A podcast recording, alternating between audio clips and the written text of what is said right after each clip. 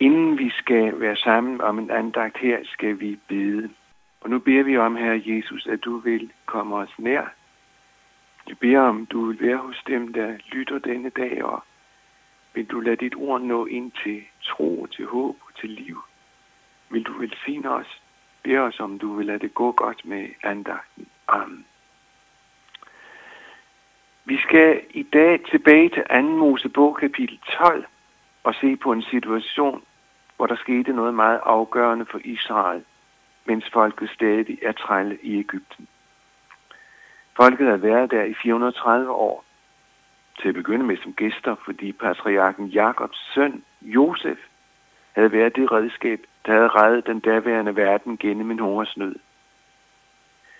Men årene gik, og man huskede ikke længere, hvad der var sket, og israelitterne endte som trælle under farao og under Ægypterne. Men Gud fulgte jo med og vidste, hvad der skete med israelitterne. Det folk, som man kaldte sit folk.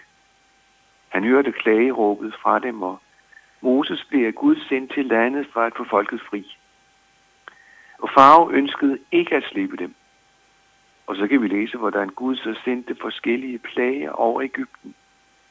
Og frem til kapitel 12, som jeg skal læse fra om et øjeblik, kan vi læse, at Gud havde sendt ni plager, uden at farve og Ægypten ville bøje sig og slippe folket. Og så tales der om den tiende plage. Moses proklamerede for farve, at alle førstefødte i landet skal dø. Herren vil gå gennem landet, og de førstefødte der i landet skal dø. Både den førstefødte hos farve og den førstefødte, som der står hos fangen i fangehullet. På samme måde med kvæget, hvor også det førstefødte måtte dø. Ikke alene proklamerede Moses denne virkelighed, men det var for Ægypterkongen Farao. Det gjorde Moses i stor vrede. Ja, der står faktisk, at det var ikke lødende vrede. Men også israelitterne fik den besked. Og så var der en forskel. For Israel, som Gud jo ville udfri fra slavetilværelsen og det at være trælle, skulle ikke rammes af den dom fra Guds side. De skulle sættes fri, hvilket de blev. Moses sagde til folket, at de skulle tage et lam, et lydefrit, det betyder et fejlfrit lam, et årgammelt handdyr. Og så læser vi fra vers 6 i 2. Mosebog kapitel 2. I skal tage vare på det til den 14. dag i denne måned. Så skal hele Israels menighed slagte det lige inden mørket falder på. De skal tage noget af blodet og komme det på de to dørstolper på overlæggeren i de huse, hvor de spiser det. Og lidt længere fremme fra vers 11. Sådan skal I spise det. I skal have kjorten bundet op om lænderne og have sandalerne på fødderne og staven i hånden. I al hast skal I spise det. Det er påske for Herren. Samme nat vil jeg gå gennem Ægypten, og jeg vil dræbe alt førstefødte i Ægypten, både af mennesker og af kvæg, og iværksætte mine straffedommer over alle Ægyptens guder. Jeg er Herren. Med blodet skal I have som mærke på husene, hvor I er. Og når jeg ser blodet, går jeg forbi. Ingen ødelæggende slag skal ramme jer, når jeg slår Ægypterne. Så langt citatet fra Anne Mosebog. Og det går på den måde, som vi læste her. Herren gik gennem land, landet. Dommen over de guder, som Ægypterne satte deres lid til og fulgte, ramte folket. Og døden ramte hårdt. Men du kan forestille dig en situation den nat, det her sker. De mange, mange hjem, hvorfra der lyder et dødsskrig. Familier, der mister deres ældste og første fødte barn. Hjem, hvor de andre opdager, at en af forældrene ligger død, fordi det var den første fødte i den familie, vedkommende kom fra. Der står om den nat, at der lød et højt skrig i Ægypten, fordi der ikke var et eneste hjem, uden nogen var døde. Da sendte farve bud efter Moses og Aaron. Nu kan I rejse, sagde farve. Skynd jer bort fra mit folk. Rejs med jer. Så tilbage til dem, som bare var tilskuere til det her. Dem, som havde oplevet, at dødsenglen var gået deres dør forbi. Hvor må det have været ejendommeligt for dem. De hørte dødskriget fra den del af Ægypten, hvor Ægypterne boede.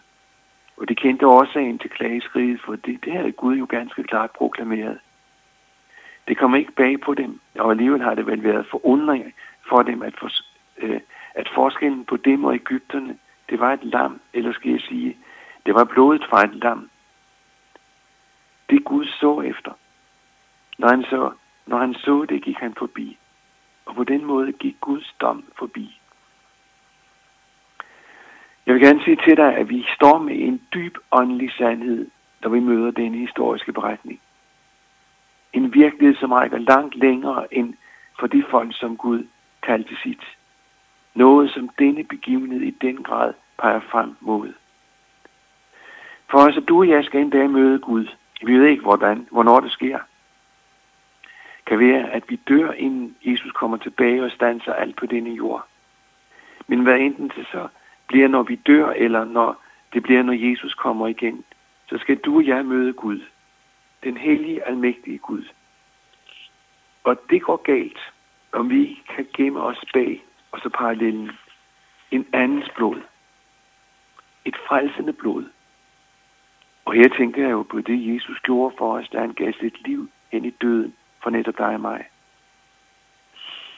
Jesus fik i øvrigt et navn, som forklarer lidt af denne virkelighed. Han blev kaldt Guds lam.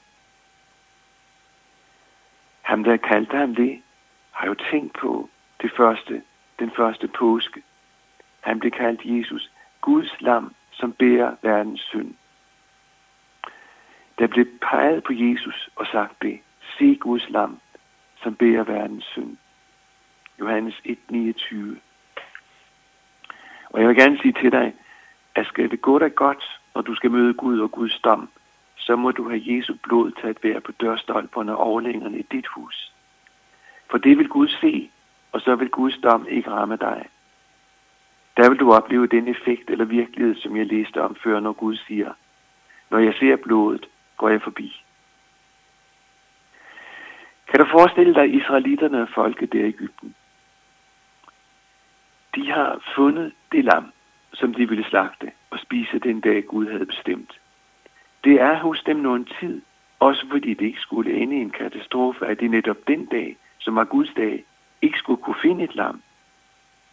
Når så dagen kommer, tager de lammet, som er fuldstændig uskyldig, slagter det, samler blodet i en skål, som de så går udenfor med, og stryger det på dørstolpen og overligger. Når, børn, når børnene så spurgte os den første fødte hos israelitterne, ikke sandt? Hvorfor gør vi det? Så svarede forældrene, det har Gud sagt, vi skal. Fordi vi bruger blod på den måde, så vil Guds dom ikke ramme os. Et fuldstændig uskyldigt lam må dø, for at andre skal leve. Og det er parallellen til Jesus. Han måtte også gå i døden, som den uskyldige, for at andre skulle gå fri af Guds dom, for at andre skulle leve. Og ved du, hvad det her er? Og nu er jeg meget personlig. Det er den virkelighed, jeg altid satser på, når jeg tænker på den dag, hvor jeg skal møde Gud. Jesus må gælde for mig. Og det må du også have lov til at satse på, du som hører med denne aften. At Jesus klarede din sag hos Gud ved at gå i døden for dig det lamme, som blev slagtet, og hvis blodet gælder for dig, gælder på den måde, som blodet på dørstolperne og overlæggeren gjorde for jøderne i Ægypten. Der er et begreb, som står i Bibelen, men som er så stærkt og forklarende og oplysende, når vi taler om netop denne sag. Det er ordet stedfortræder. Det står ikke i Bibelen, men det, vi møder det mange steder som en sag. Jesus var din stedfortræder, da han på korset gik ind i mødet med Gud. Og så ramte den dom, som egentlig burde ramme dig og mig, ham i stedet. En uskyldig dør for det skyldige. Profeten forklarer dette forhold, hvor Jesus dør på korset, og så skriver han, han blev gennembort for vores overtrædelser og knust for vores skynder. Han blev straffet for, at vi kunne få fred. Ved hans sår blev vi helbredt. Vi flakkede alle om, som for vi vendte os hver sin vej. Men Herren lod vores skyld ramme ham. Lidt længere fremme læser vi om Jesus og det han gør på korset. Men han bar de mange synd og trådte i stedet for syndere. Ved du, hvad det her er? Det er den besked om Jesu betydning, som Gud giver til dig og mig. På samme måde som Moses og Aaron gik til Israel og sagde, at Gud har vist os en udvej. Et lam må dø. En uskyldig må dø for dem, som ellers skulle dø. Det Gud vil have sagt til os, det er, at Jesus er vores mulighed for at komme godt fra mødet med ham. Ham den hellige, almægtige. Husker du beretningen og de vers, som vi læser juleaften? Der siger englen til hyrderne, der er født jer en frelser. Og det er lige den virkelighed, som viser sig ved korset. En frelser, som dør for de skyldige. En stedfortræder. En, der møder Gud og dør for at vi skal leve. Ordet påske betyder forbigang, og det var jo den første påske overhovedet, vi læste om. Den første påske gik Gud, gik døden gennem dommen, gik dommen forbi Ægypten, der, og den gik forbi der, hvor blodet var. Igen tilbage til dem, som var der i husene. Det var jo noget mærkeligt at gøre det at samle blod i forbindelse med slagningen af lam, Og så den aften, hvor det skulle spise påskelammet. De skulle gå udenfor og så tage en tynd, et bundt ysop, det er grene kviste fra en plante, som de dyppede i blodet, hvorefter det blev påført overlægger og dørstolper. Men de gjorde det. Også selvom alle måske ikke kunne se, at det var så betydningsfuldt. Og tankerne og spekulationerne har været der. Hvis det virkelig går, som Moses og Aaron sagde det ville, altså hvis Gud står ved sit ord, er det så nok det her? Andre har været frimodige og i den forbindelse sagt, at vi kan stole på Gud. Nogle af dem, der er hvilet i troen, andre har måske kendt til tvivl og til frygt. Der er ingen tvivl om, at alvoren har været over den aften. For det var en anderledes aften. De spiste, men det var ikke sådan et afslappet måltid. De skulle være klar til at tage afsted, klar til at rejse. Det var heller ikke et tag selvbord med mad. Det var lammet, der skulle spises. De skulle tilberedes på en bestemt måde.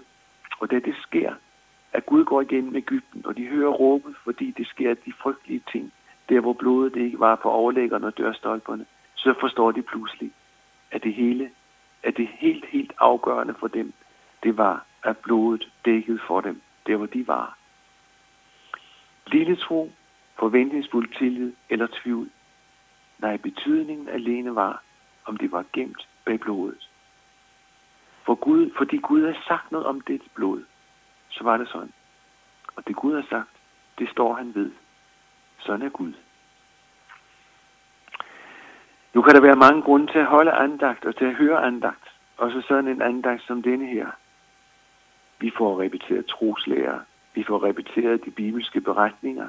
Vi bliver klar over, at møde med Gud, det er bare Jesu blod, der tæller for os, eller lammets blod, om du vil. Men jeg vil gerne lægge en vinkel yderligere til.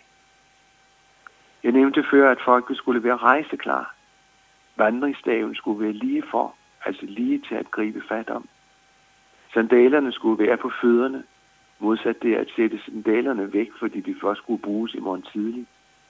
Også kjorten skulle de have på, selvom familien var samlet, og det galt et måltidsfællesskab. Og nu spørger jeg, hvordan er det med dig? Er du klar til at rejse? Er du klar til at møde Gud? Jeg spørger ikke for at gøre dig bange, men jeg spørger, fordi en dag bliver det jo den sidste dag i dit liv, hvor det er muligt at omvende dig.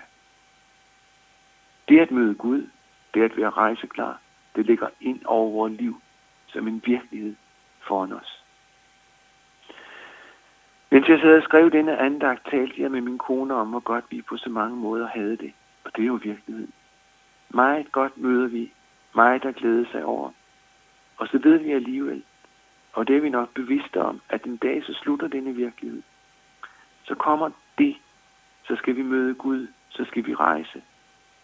Og statistikken for mennesker og dette forhold, det er en til en. Er, den for, er det sådan for dig, at du er bange for den dag?